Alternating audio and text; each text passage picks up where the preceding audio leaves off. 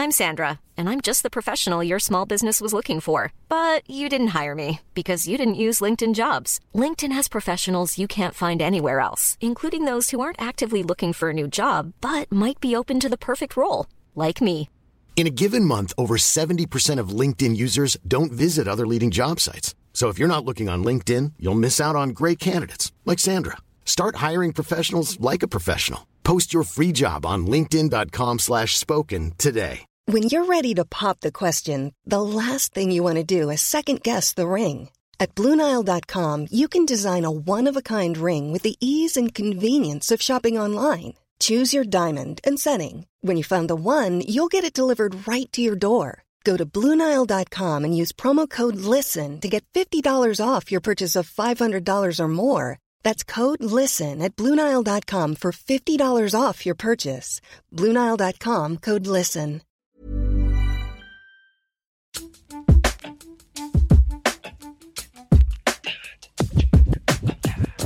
Varmt välkommen till det 55 avsnittet av Brittas och Parisas podcast. Varje vecka om populärkultur och aktualiteter. Sånt som du absolut inte vill missa och som kanske gör att du känner dig lite mer uppdaterad. Lite mer! Vi vill vara din machete i misären, din frälsare i fiden och denna vecka innebär det från Adam Sanders ändtarm i nya filmen Uncut Gems, vilsna röster kring Gina Dirawi-dokumentären och allt om Golden Globes och kommande Oscarsgalan.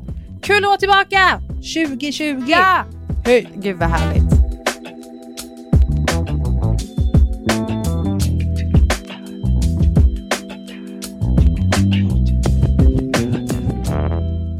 Men ska vi snacka om det här jävla juluppehållet? Förlåt Britta, men jag kommer inte stå ut igen om vi ska göra det igen.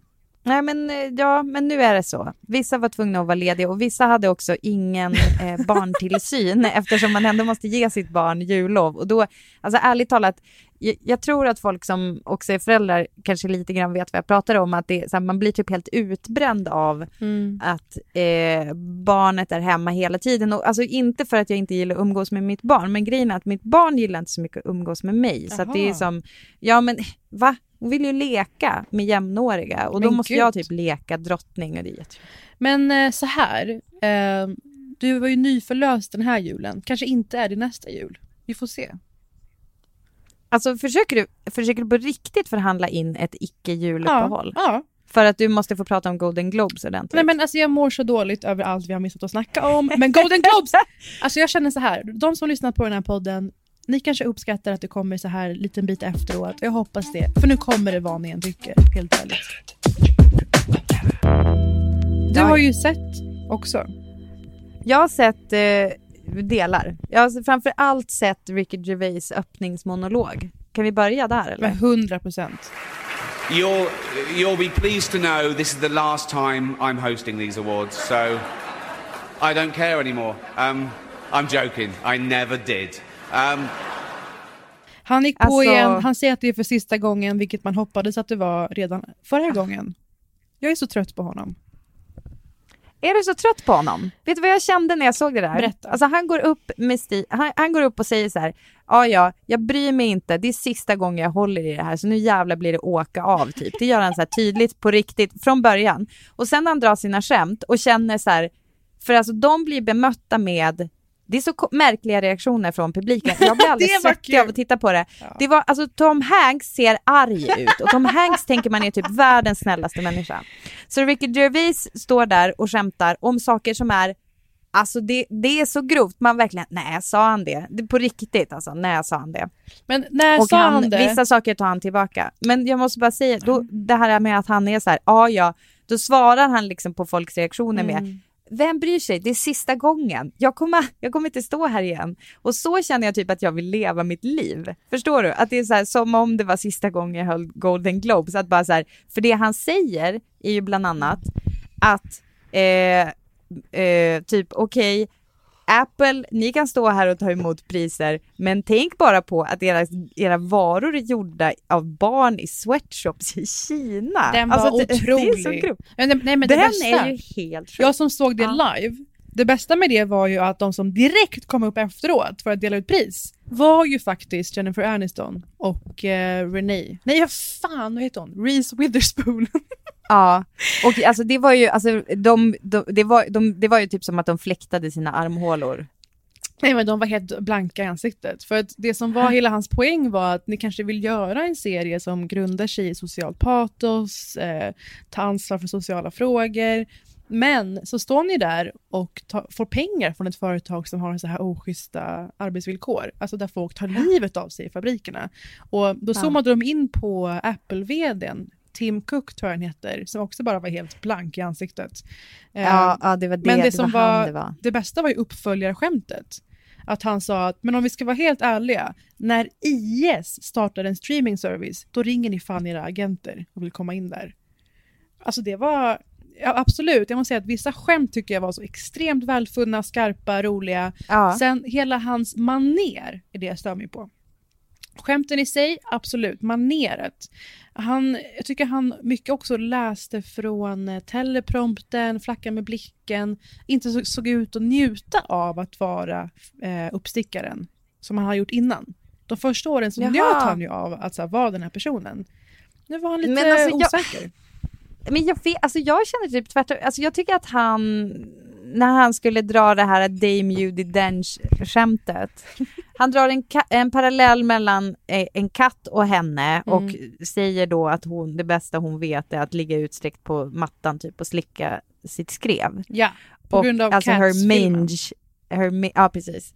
Och han säger her mange, vilket är väldigt kul, alltså det är ett roligt ord, men i, mitt i det så fnissar han ju och säger jag kan inte dra det här skämtet. Så att lite tycker jag nog att det kommer, alltså som att han, eh, han har kul själv. Okej. Så fick jag känslan. Men jag håller med om att premissen är otrolig. Det är ju väldigt tacksamt att vara så här, vet ni vad, nu bränner jag alla jävla broar, jag behöver inte er längre. Ja, Men eh, det här egenvärdet i att vara motvalls i sig och överlägsen börjar bli lite unket när han står och läxar upp folk Mm. om att kom inte upp här och tacka någon jävla gud och prata om sociala frågor, ni vet ingenting om riktiga världen.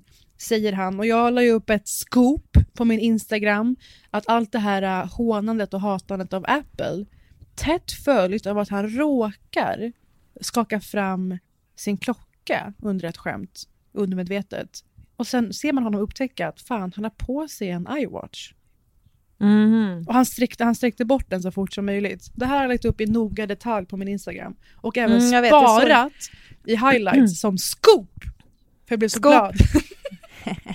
Men grejen är, alltså jag menar, jag menar ju inte, för att det där är ju en sån grej som kan, alltså borderline typ, jag, jag säger bara vad jag tycker typ. Ja. Men det som jag menar som jag tycker att han gör bra genom att han, han bara okej det är min sista gång, att han säger en sån där, det där är ju fan viktig kritik. Ja, ja, absolut. Eh, och så, så jag, det är ändå någonting med det, alltså, och han drar ju, alltså om Harvey Weinstein tar jag upp och Jeffrey Ep- Epstein, Ja, det var fantastiskt. Epstein var det. Det var Eh, fantastiskt. och, och att han bara, "Ja, ja, jag vet att det är en kompis. Men så här, samtidigt, man bara, "Ja, fast det är en kompis som har liksom allegedly, eller han är ju faktiskt dömd för vidriga saker. Mm. ja, men jag håller med. det där, ja, Allt det här var Bra fantastiskt. Men det som eh, kanske glädjer oss ännu mer är ju att Tina och Amy tar över nästa år igen. jag vet.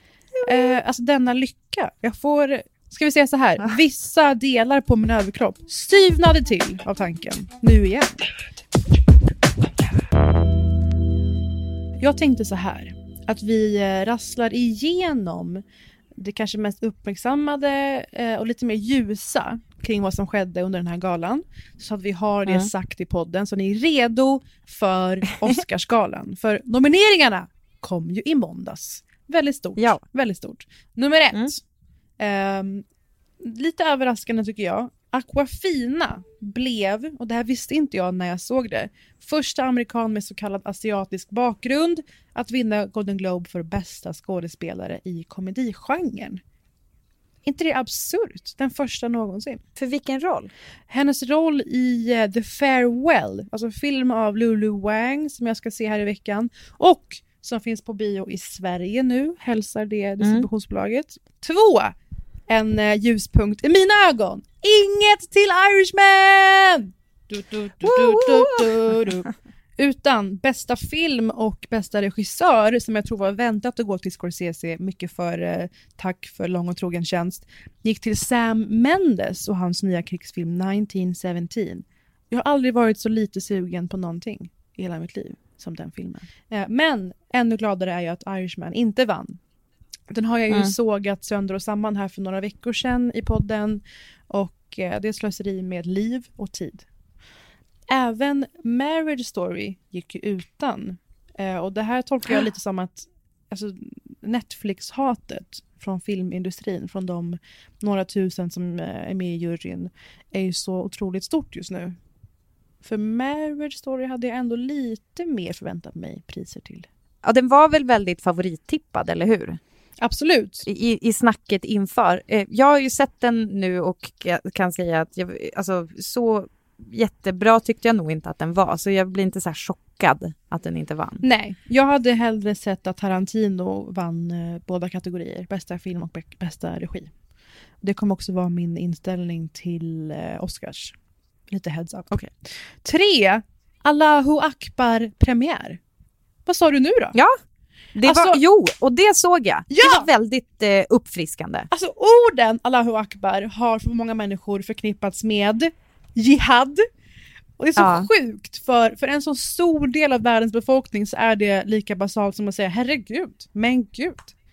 Ja, exakt. Ja, tack gode gud för att det inte regnar idag. Alltså det är väldigt, var, väldigt vardagligt, men i dessa människors ögon, om jag skulle säga det på ett flygplan, Britta, Ja, då skulle det vara jättedåligt. du skulle aldrig höra från mig igen. Skulle bli nedbrottad, inlåst i samma skåp som svarta lådan Det skulle vara slutet för podden. Och det här säger vi alltså för att Rami Youssef, bakom serien Rami, som går på Hulu, i alla fall här i USA, eh, vann för bästa skådis, komedigenren. Över Bill nu- Hader, över massa Ja. stora nominerade.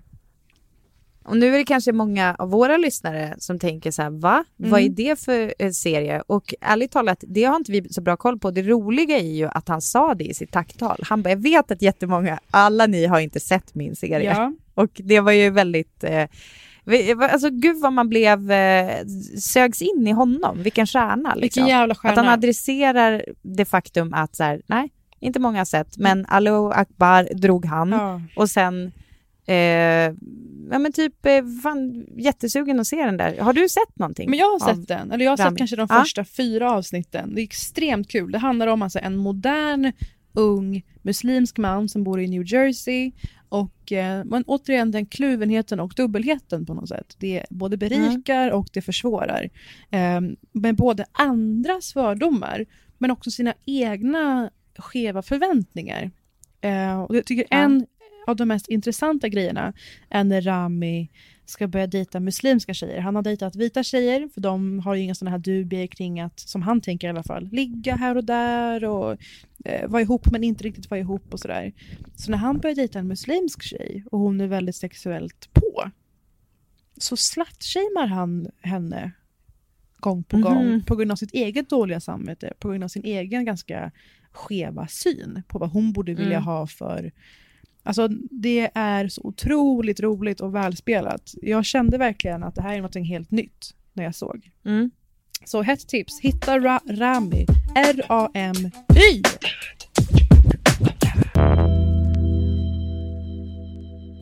Vidare, nummer fyra. När Kate McKinnon hedrar Ellen. Kanske bryr man sig inte så mycket om Ellen nu för tiden, jag vet inte. Men- Jo, jag gör ändå Okej, det. Men Kate McKinnon, när hon går upp Ja, där, jag älskar henne. vem, alltså vem annan kan vara på samma gång skör och stark, komisk, ärlig. Jag tycker hon har allt, det är sen gammalt. Och när hon berättar vilken impact det hade på henne att Ellen kom ut som gay och att det banade väg för hennes... Hon är ju med på Saturday Night Live varje lördag, alltså en av de största tv-produktionerna. Och att hon bara vågade ta sig an det här för att hon tänkte att okej, okay, men jag kanske är en alien, men om Ellen är på tv kanske jag också kan vara det. Even when Ellen's sitcom was at the height of its popularity, I was in my mother's basement lifting weights in front of the mirror and thinking, Am I gay? and I was. And I still am. And But that's a that's a very scary thing to suddenly know about yourself. It's sort of like doing 23andMe and discovering that you have alien DNA. And the only thing that made it less scary was seeing Ellen on TV. She risked her entire life and her entire career in order to tell the truth, and she suffered greatly for it. Of course, attitudes change, but only because brave people like Ellen jump into the fire to make them change. And if I hadn't seen her on TV, I would have thought, oh, I could never be on TV. They don't let LGBTQ people on TV. And more than that, I would have gone on thinking that I was an alien and that I maybe didn't even have a right to be here. So thank you, Ellen, for giving me a shot. Alltså nu började jag nästan gråta igen känner jag. Och jag är lite generad. jag är lite generad över det, men det var fruktansvärt starkt. Och sen att Ellen vann, återigen, ja, det får man tycka vad man vill om. Kanske inte den mest relevanta personen just nu. Jag, jag, tycker ändå det du precis sa, alltså det kanske inte är så här jätte, hon kanske inte är så banbrytande längre. Nej. Men om man ändå ser, jag tycker att det är väldigt vettigt att ge henne pris för en lång och trogen tjänst. Absolut. Eller vad man ska Men jag säga. tror, jag tror att hon har liksom hängt så mycket med George W Bush och liknande de senaste åren för att känna som att hon är i framkant. Sådär. Uff, Ja, det är inte så kul. sant. Nummer fem. Såklart! Ytterligare Phoebe Waller-Bridge. Kross! På amerikanska galorna. Hon vann för dels skådespelerska, tv-kategorin eh, humor och årets bästa tv-serie. Fucking Fleabag. Det är så självklart. Gud vad härligt. Att se henne och hennes peers gå upp gång efter gång och ta emot priser under den här kvällen. Och eh, det som vi påpekade på vår Instagram, Britta och Parisa på Instagram, att eh, Obama utsåg ju Fleabag till en fav- favoritserie 2019. Varför är det lustigt, Britta? Ja, men just det. Jag, jag hade glömt det när du sa det. När hon, hon, det. Hela serien öppnar ju, eh, om det är alltså första scenen i Ja. första avsnittet när hon ligger och runkar till Obama på tv. När hennes eh, kille sover Kille ligger bredvid. Ja. Otroligt roligt! Och det här tog hon upp även i sitt tacktal och så här lät det. Um, personally, I'd like to also thank Obama for putting us on his list.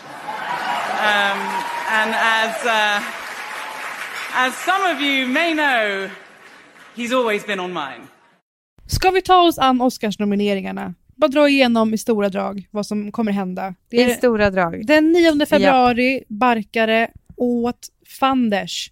Eh, de väntade ju med, du vet Irishman, Marriage Story, Tarantino och så vidare.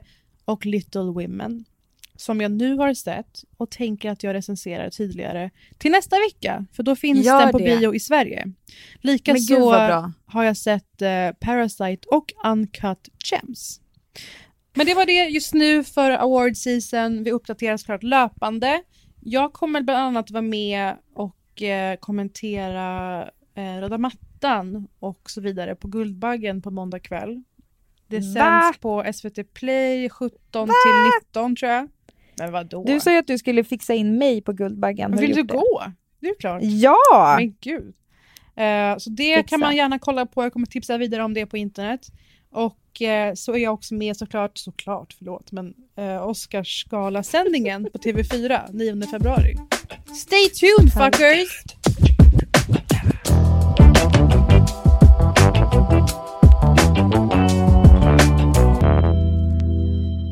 Parisa, en grej som är så bra med den här podden, alltså för min egen vinnings skull eller vad man ska säga, det är att jag ofta när jag tänker i mitt huvud olika saker som är så här, är det där, alltså är det där, så, ska det vara så där eller borde det vara på något annat sätt? Då tänker jag oftast att jag ska dra det med dig, för du är ju som typ eh, ett slags rättesnöre tycker jag ibland, eller vad ska man kalla det? Alltså en Ursäkta bra, mig. Vad är det Nej, men vad jag säger hört? man? Vad finaste jag hört? Ja, men liksom ett så bra bollplank typ. Om jag känner att jag så här, är jag helt fel ute med den här tanken? Så därför så tänkte jag lansera en ny vignett i den här podden. Som jag skulle vilja döpa till Är det bara jag eller? Otroligt! Är det bara jag eller?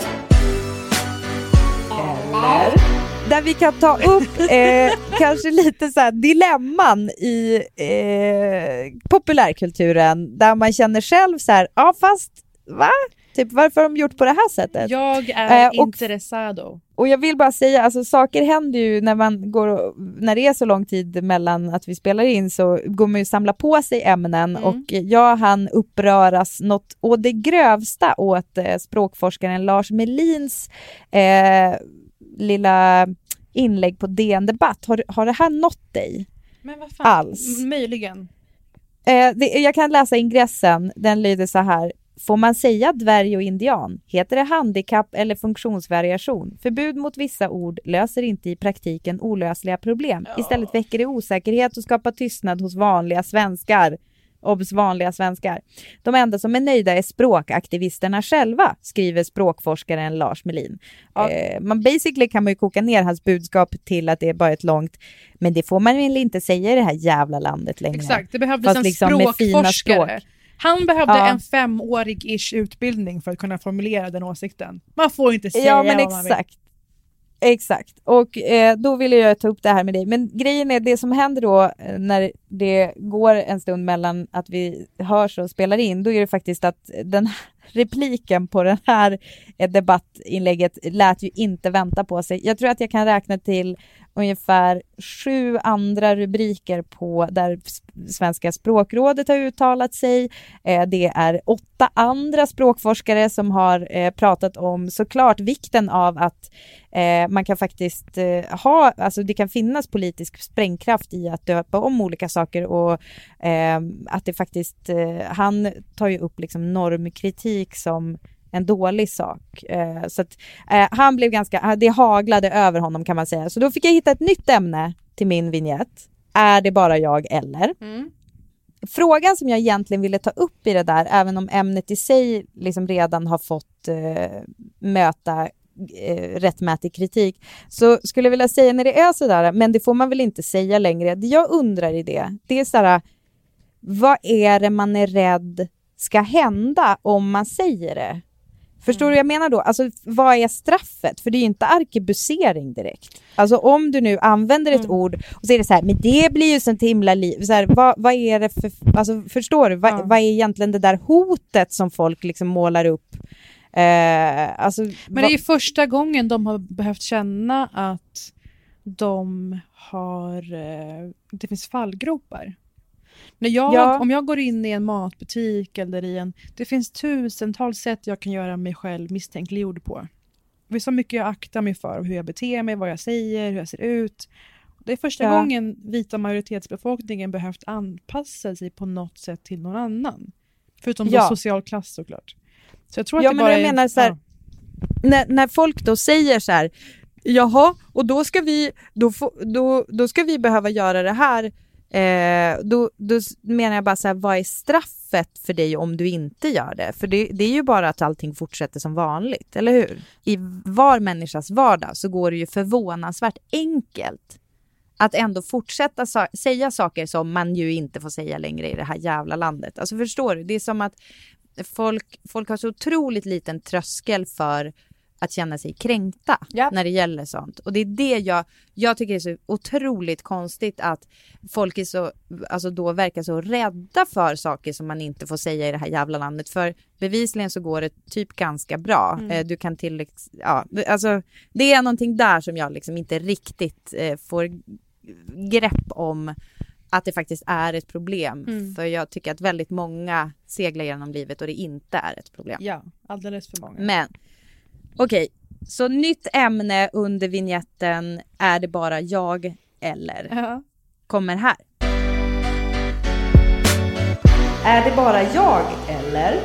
Dokumentären Älskade Husby Ah, som nu finns på SVT Play. Mm. Den gissar jag att du inte har kunnat se för SVT Play funkar inte utomlands. Ja, Am jag är right? ju också uppvuxen i Husby så det känns ju extra plågsamt. Ja. Min, Ursäkta? familj, min familj bodde i Husby i 13 år. Du bodde i Husby. Ja, fast jag var ju, 13. jag föddes ju sist så att säga. Så jag flyttade Ja, när jag var precis. sex år gammal. Och min, mina För föräldrar att- skilde sig och så vidare. Ja, vad intressant, för jag, jag har ju också bott i Husby. Ja, just det. Så jag känner ju extrem nostalgi, även om det då inte är under tiden som avhandlas här. Nej, och jag bodde ju då i vuxen ålder i Husby. Men det är ändå stark nostalgi och det var väl också mycket av anledningen att eh, jag tittar på det här. Ehm, jag, eh, det är väldigt, eh, vad ska jag säga, alltså jag har väldigt mycket känslor för Husby. Jag bodde där i liksom en viktig tid av mitt liv, även om det inte var min uppväxt. Storyn är i alla fall att eh, det börjar med att en, en tjej som heter Soledad eh, tog kontakt med en fotograf som heter Maud Nykander som under eh, starten av Fryshuset, alltså eh, tidigt 90-tal, eh, plåtade massa bilder på ungdomarna som hängde där. Och Soledad tog kontakt med den här fotografen för att hon vill visa bilderna för sin dotter. Eh, och det blir då, Soledad kommer från Husby. Eh, det finns en massa andra Husby, då liksom Husby-profiler typ som är plåtade eh, som de då följer upp eh, och tittar vad, hur de lever sina liv så här 30 år senare. Eh, det finns också i det här materialet från Fryshuset finns det, alltså det finns bilder på en väldigt ung Ken Ring. Mm, det finns givetvis. bilder på en väldigt ung Petter. Alla de där äh, rapparna, eh, typ Latin Kings är såklart med på sitt hörn och så här. Eh, första delen heter I skuggan av hiphopen. Okej. Eh, och ehm, förutom Soledad så får vi träffa en kille som heter Matte som uppenbarligen, alltså det verkar som att han så här drogs in i ganska tung kriminalitet. Eh, det finns en tjej som heter Bahar som var värsta rap-tjejen eh, och som sen i vuxen ålder är advokat. Eh, och det tycker jag är superintressant. Men nu kommer då min fråga, är det bara jag eller känns dokumentärer som handlar om hiphop och vä- som vägen ur betongen rätt sliten? Alltså vi snackar, vi snackar 1A Rappers Delight går igång i vignetten typ. Jag vet inte om du eh, vet det, men du pratar med en person som har gjort en dokumentärserie som heter Cherry, Ut ur mörkret. Jag vet, detta vet jag. Det känns väldigt personligt påhopp detta. Nej men, Nej men det är inte, Nej, men nej, det, nej, jag alltså snackar den- inte om dig för jag är helt Ja. säker på att den är gjord på ett bra sätt. Men jag känner bara så här, det finns också ett väldigt slitet sätt att göra 100%. en dokumentär om hiphop. Man bara, ska vi se Cheppe, Rodde, Dogge och Salla återigen sitta i en synk? För jag, jag känner så här, här har man eh, hittat de här eh, personerna i Husby. De berättar om sin uppväxt, om hur de blev bemötta. Bahar berättar hur hon blir bemött när hon som ung kaxig raptjej säger att hon vill bli advokat när hon blir stor. Det var ju ingen som trodde att hon skulle bli det. Eh, och hela den grejen, de går på sina gamla gator i Husby och Akalla. Alltså, eh, man pratar om hur området byggdes, det finns här arkivbilder från när miljonprogrammen växte fram. Eh, då tycker jag att det känns så jävla så här trött att dra in typ Latin Kings i det Nej, hela. men så här är det. Jag tror att Latin Kings och Company är en kofot in i detta. Och Maud Nykander är en otrolig person. Hon har gjort eh, dokumentären Palme, som ni kanske minns. Den var alltså, en av de bästa dokumentärer jag har sett. Fick Jag har många, sett. många guldbaggar för den. Och jag tror att för hennes generation också så är det en enkel inkörsport. Jag hoppas att det leder till att förmänskliga andra öden också, som du säger Bahar till exempel. Men absolut, det är ju slitet.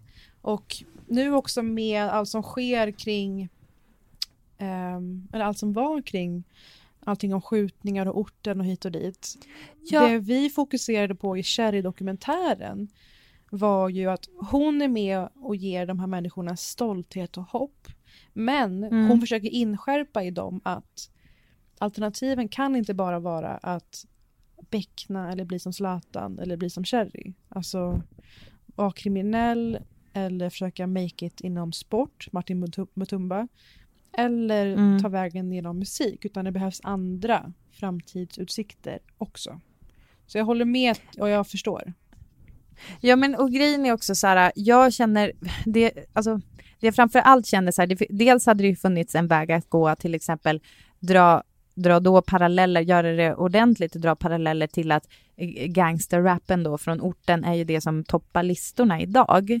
Alltså det kan ju finnas något i det, men att Mm. man liksom sitter och snackar med Ken Ring, alltså no offense, men jag, jag känner liksom att jag bryr mig inte riktigt om vad Ken Ring säger idag. Alltså på samma sätt som du kanske tycker att Ellen känns som en icke-relevant person. Ja. Så jag har liksom, det är något med så här, Salla från Latin Kings. Jag är mer intresserad av vad Bahar, försvarsadvokaten Bahar har att säga. Så kan man känna. med? Men det som är intressant med Salla och company att man så gärna vill måla upp dem som att de är det unika exemplet. De är ju inte framlyfta i någon, liksom, de är inte chefer på produktions eller skivbolag. De är inte uppe i någon 1% elit. Alltså det är Nej. inte någon, det blev ju inte någon ABBA-dröm av dem. Så jag tycker Nej, det där är sant. falskt också. Jag har jobbat mycket Ja. med dem eh, i olika sammanhang och de eh, har ungdomsverksamhet i Norsborg, har sin studio i Norsborg, får liksom jobba månad till månad och eh, ta sig fram på det sättet. Det är absolut Ja. ingen Benny Andersson-tillvaro. Så jag tycker också Nej. att det narrativet är fake. Just det. Inte att de- Mm. de själva målar inte upp det så, men att andra så gärna vill att de ska vara det. Så då kan man väl säga att vi ändå är överens om att det finns typ en lite mer intressant och kanske tajtare story att Mm. dra i det här. Och utan att göra för stora hiphopväxlar. Är det bara jag eller? Eller? Ska vi be folk löpande tipsa och nominera grejer på Britta och Parisa? Ja, gärna. Alltså är det bara jag eller? Ja, jättegärna. Frågelåda! Extremt kul. Ja! Britta, det känns ju som en annan värld mot sist vi pratade på många sätt.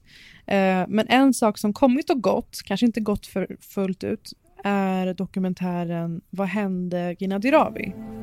Det blir Gina Dirawi som får uppdraget som årets julvärd. 25-åringen blir den yngsta julvärden. Gina Dirawi kommer att få mycket att göra i december. Det året vi valde Gina så kändes det väldigt träffrätt. Hon var en röst för oss, för vår generation. Så före sin tid. Vilka förebilder gick hon på? Ingen aning. Och jag underskattade eh, den våg av eh, hat som skulle Men kommer Ja. du ihåg hur du reagerade när du först fick veta att hon skulle bli det? Nu är det cirka fyra år sedan. Eh, ja. Vad tänkte du? Wow! Ja. Typ. Jätte, alltså jättekul just av den anledningen att det var något nytt. Ja, det är inte jättekul så här, åh vår kompis David Sundin ska leda mello. Det är kul på ett sätt, wow vilket modigt, eh, vilket modigt val av SVT, ärligt talat. Ehm, jag var redaktör för Gina vid tillfället och vi är vänner, så jag är ju med och pratar i den här dokumentären en del. Ehm, det som hände var att hon blev hotad och hatad till nivån att hon behövde livvakt dygnet runt.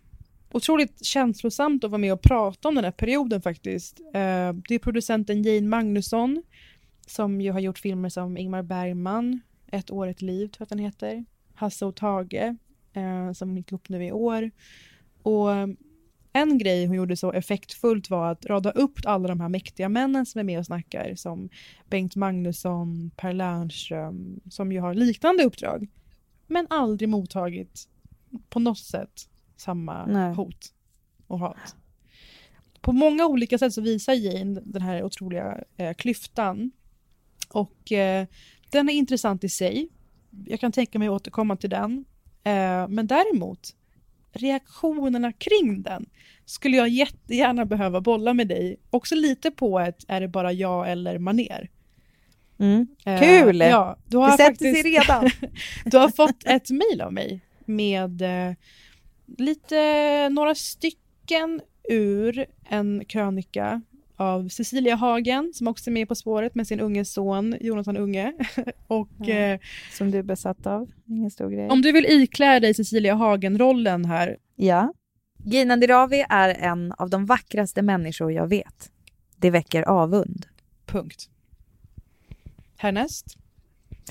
Gina Dirawi förekom under några år oavbrutet i rutan som programledare för alla de mest glamorösa tv-programmen. Det väcker ännu mer avund, särskilt om man är ung och kvinna och intelligent och muslim och vacker till råga på eländet. Punkt. Men det allra värsta var att hon skulle få bli allas vår julvärd. För att hon var vacker och ung och begåvad och muslim och kvinna, visst. Men mest av allt för att den korkade tv-chef som presenterade henne i rollen fastslog att hon hade tjatat sig till den. Punkt. Detta är den yttersta dödssynden för vilken kvinna som helst. Att inte vänta på att bli uppbjuden. Något mer provocerande finns inte. Och är man dessutom ung och vacker och smart och muslim leder det till livsfara, till säkerhetsvakter, till en tillvaro i skräck. Oh, Cecilia. Nu kanske Ah. folk där hemma redan anar varför jag valde ut just de här utdragen. Eller varför jag ens ville läsa upp den här texten. Britta, vad, vad tänker du om Cecilia Hagens lilla text? Ja, alltså eh, att det fokuserar väldigt mycket på utseendet. Eller? Det är en del utseende va? Ja. Ja. Eh, och det här känns som en generationsgrej också, kände jag när jag läste igenom det här först. Eh, Mm. Jag känner nästan att någon redaktör har bett henne, kan inte du slänga in att hon är intelligent också? Tror du att grunden till att folk som blir provocerade av Gina Dirawi blir det för att hon är vacker?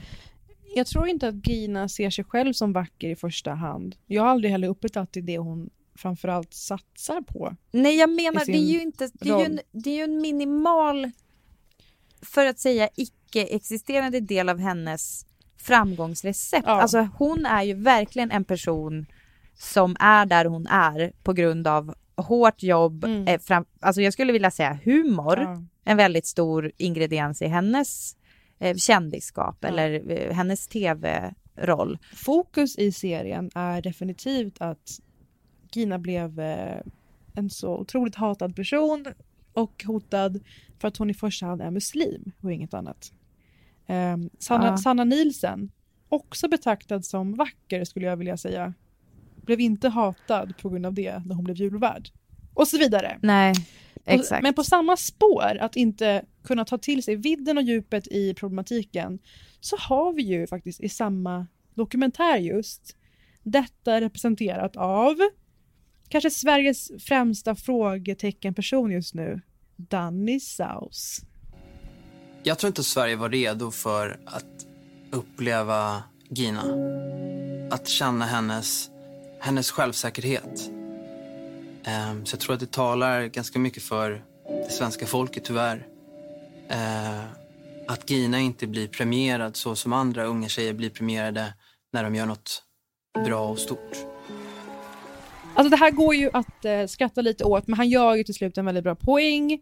Just att hon inte premieras på samma sätt som andra framstående kvinnor. Och sen är det ett otroligt välfunnet montage. Allt ifrån Sara Sjöströms vinster till när Carola sådär lyriskt vann för Främling när hon var 16 och blev som upplyft som en jävla helgon. Mm. Det är Jane Magnussons expertis här, men det han säger är ju att det är Ginas självsäkerhet som ligger till grunden för det här. Mm. Att hon borde ha varit underdå om hon hade varit underdånig på något sätt, att det kanske hade gått Mm. bättre. Och det finns ju någon Meghan Markle-aspekt i det här, apropå allt vi har missat att snacka om. Åh ja. Alltså många vill ju, de vill ju dra nu va, kan vi säga, från kungahuset. Men, eh, och många vill ju säga att det är inte på grund av att hon är, har, har svart förälder, utan det är för att hon eh, är en så störig uppstickare. Dryg och har hybris, vill många få det till i brittisk skandalpress. Och det är återigen det här att inte kunna själv inse varför man har den blick man har. Mm. Att man blir irriterad av en utländsk person, inte på grund av det utan för att den är dryg. Men du skulle inte tycka det om det var Sanna, återigen. Nej. Nej. Eller Kristin Meltzer, eller Carina Berg, vem fan som helst. Och Danny fortsätter och det han säger här sätter på något sätt fingret för mig varför det här har fått pågå så länge. Men jag tror också att det är en väldigt, väldigt liten skara människor som, som skäller på Gina. Men tyvärr är det också de minsta hundarna som skäller mest. Det är väl en ganska etablerad sanning att det är kanske inte så många eh, många sådana här tomma ägg på Twitter. Nej men det, jag tror att det är ett problem att man, att man förminskar frågan till att nej, men det här är ju ingen fara egentligen. det här är bara, eh, som han säger, en liten grupp hit och dit. Och jag tror att just den inställningen har gjort att vi har låtit det här pågå så länge. Men det jag ser det som är att dels var det inte så få, absolut inte. Och dels så är det ju symptomatiskt. Det här är ju ytterligheten, att de vågar säga de här sakerna. Jag läser upp ett handskrivet hatbrev i dokumentären. Att någon sätter sig ner och skickar ett brev till en 23-årig kvinna. Att hon har förstört Sverige och svenska julen.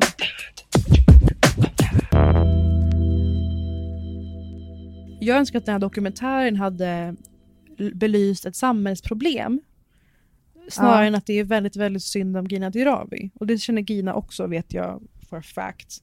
Och jag tänkte Ja. dra, dra igenom, när jag har dragit igenom alla sociala kanaler, krönikor och liknande, tre återkommande eh, tankar och åsikter kring dokumentären och bemöta dem. Mm. Nummer ett. Hatet Gina får är bara på grund av hennes antisemitiska åsikter. Men det har att göra med att hon är palestinier. Exakt. Ja. Om hon hade de åsikterna, säger vi, motiverar det på något sätt mordhot.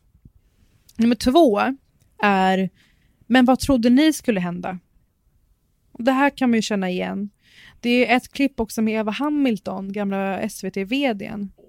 Ska sägas att ingen nuvarande SVT-chef valde att medverka i dokumentären. Tycker jag är väldigt intressant. Intressant. Eh, Men Eva Hamilton säger det kanske inte var ett bra beslut att ha med Gina när hon är så ung.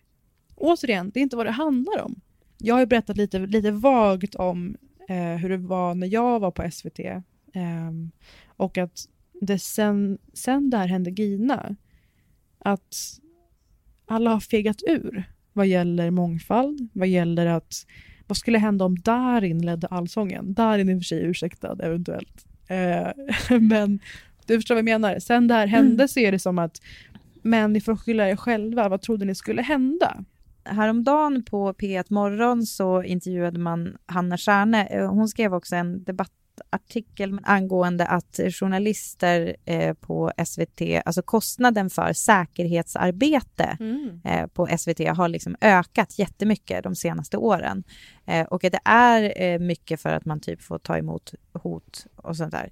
Eh, enskilda personer och så. Så att eh, det, är ju, det är ju ett faktum att det händer generellt. Jag har ju själv varit Mm. del av det där och fått utnyttja liksom skattebetalarnas pengar till att ha en säkerhetsvakt. Eh, och det var ju verkligen det lilla, så jag kan ju verkligen, jag kan ju verkligen tänka mig hur, hur det såg ut runt Gina. Men det, det som är väldigt beklämmande, eh, första gången jag använde det ordet, det är ju att bara, ah, vi borde inte ha gjort det för hon är så ung. Det är ju lite grann att lägga eh, skuldbördan på den utsatta. Exakt. Eller liksom att det var så här, ja det var dumt för hon var ung. Bara, nej, det är för att folk är dumma i huvudet Ja. som det här händer.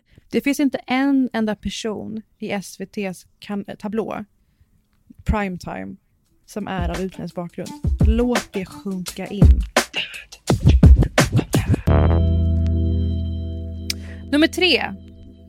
Min sista och sorgligaste. Checkat i alla boxar blatten. Några fina människor i de reaktioner som jag kommit över har poängterat detta mycket riktiga. Att detta på något sätt understryker det falska i löftet att om man anpassar sig till svensk kultur så blir man accepterad. Och nu Mm. ska jag dra igenom det. Här har vi en tjej. Född här, talar språket flytande, sliter något otroligt, jobbar hårt. Det är inget bidrag här, om det är det man tänkte.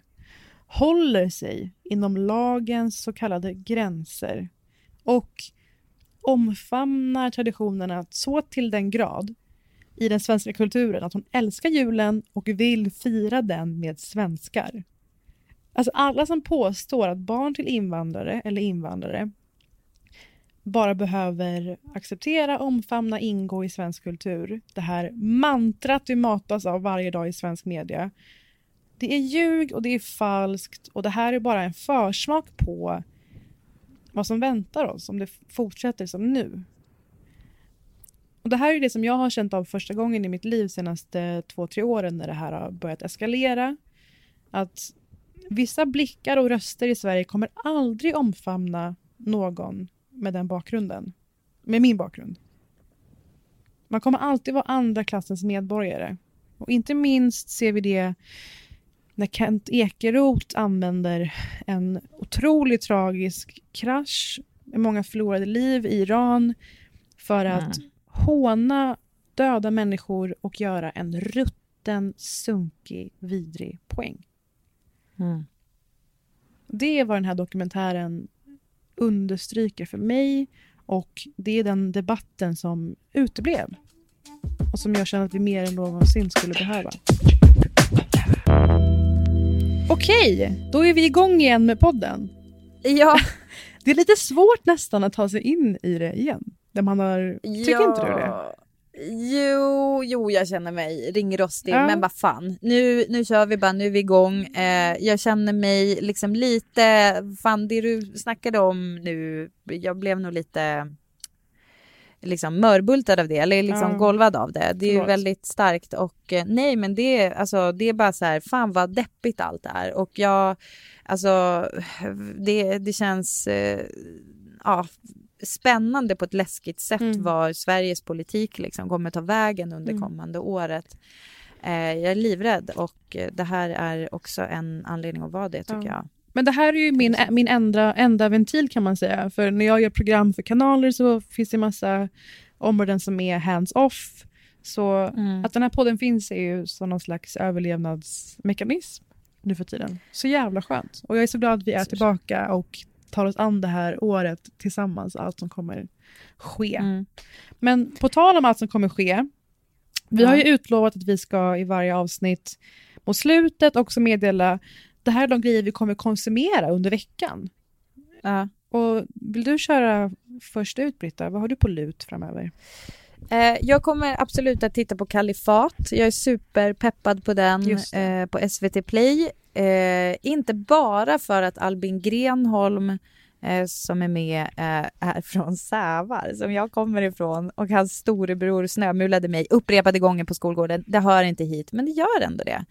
Eh, känner du någon stress över att Aliette Opheim spelar en person som Oh ja! inte Så även är jag, nu går jag händelserna i förväg, men även jag kommer Ja. se denna, kanske med lite andra ögon. Och eh, det blir nog en rafflande recension och samtal om det nästa vecka, gissar jag. Och sen vi pratade ju om Oprahs 2020 Vision Tour i samarbete med Weight Watchers, absolut. Men får jag säga vilka mer namn hon har på Oh, sin ja. lista?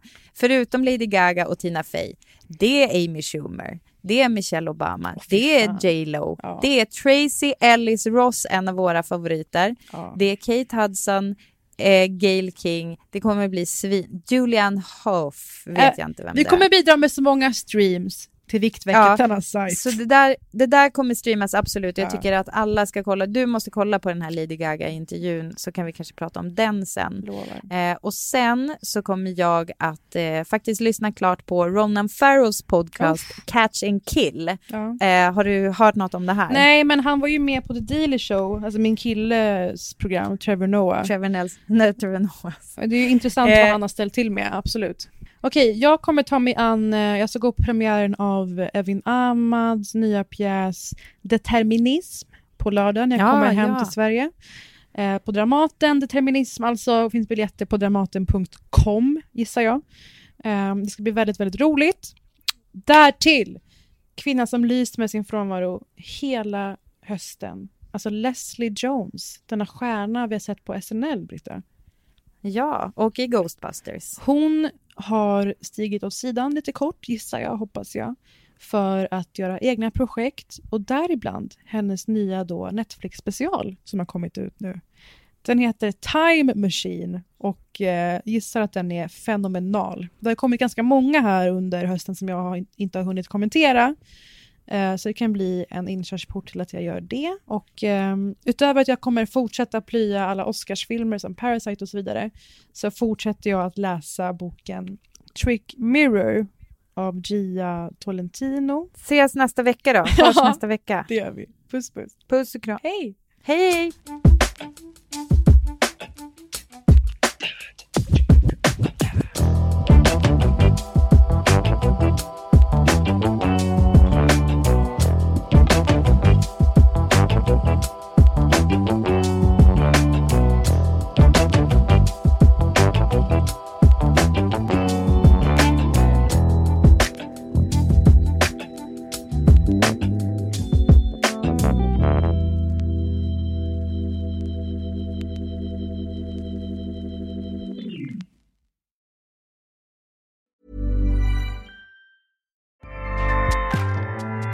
ACAST powers the world's best podcasts.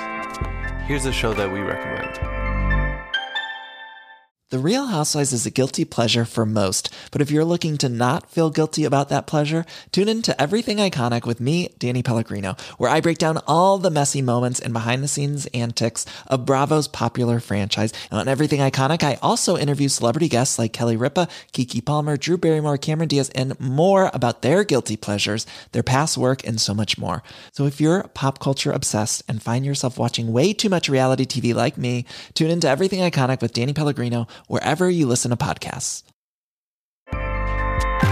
ACAST helps creators launch, grow, and monetize their podcasts everywhere. ACAST.com.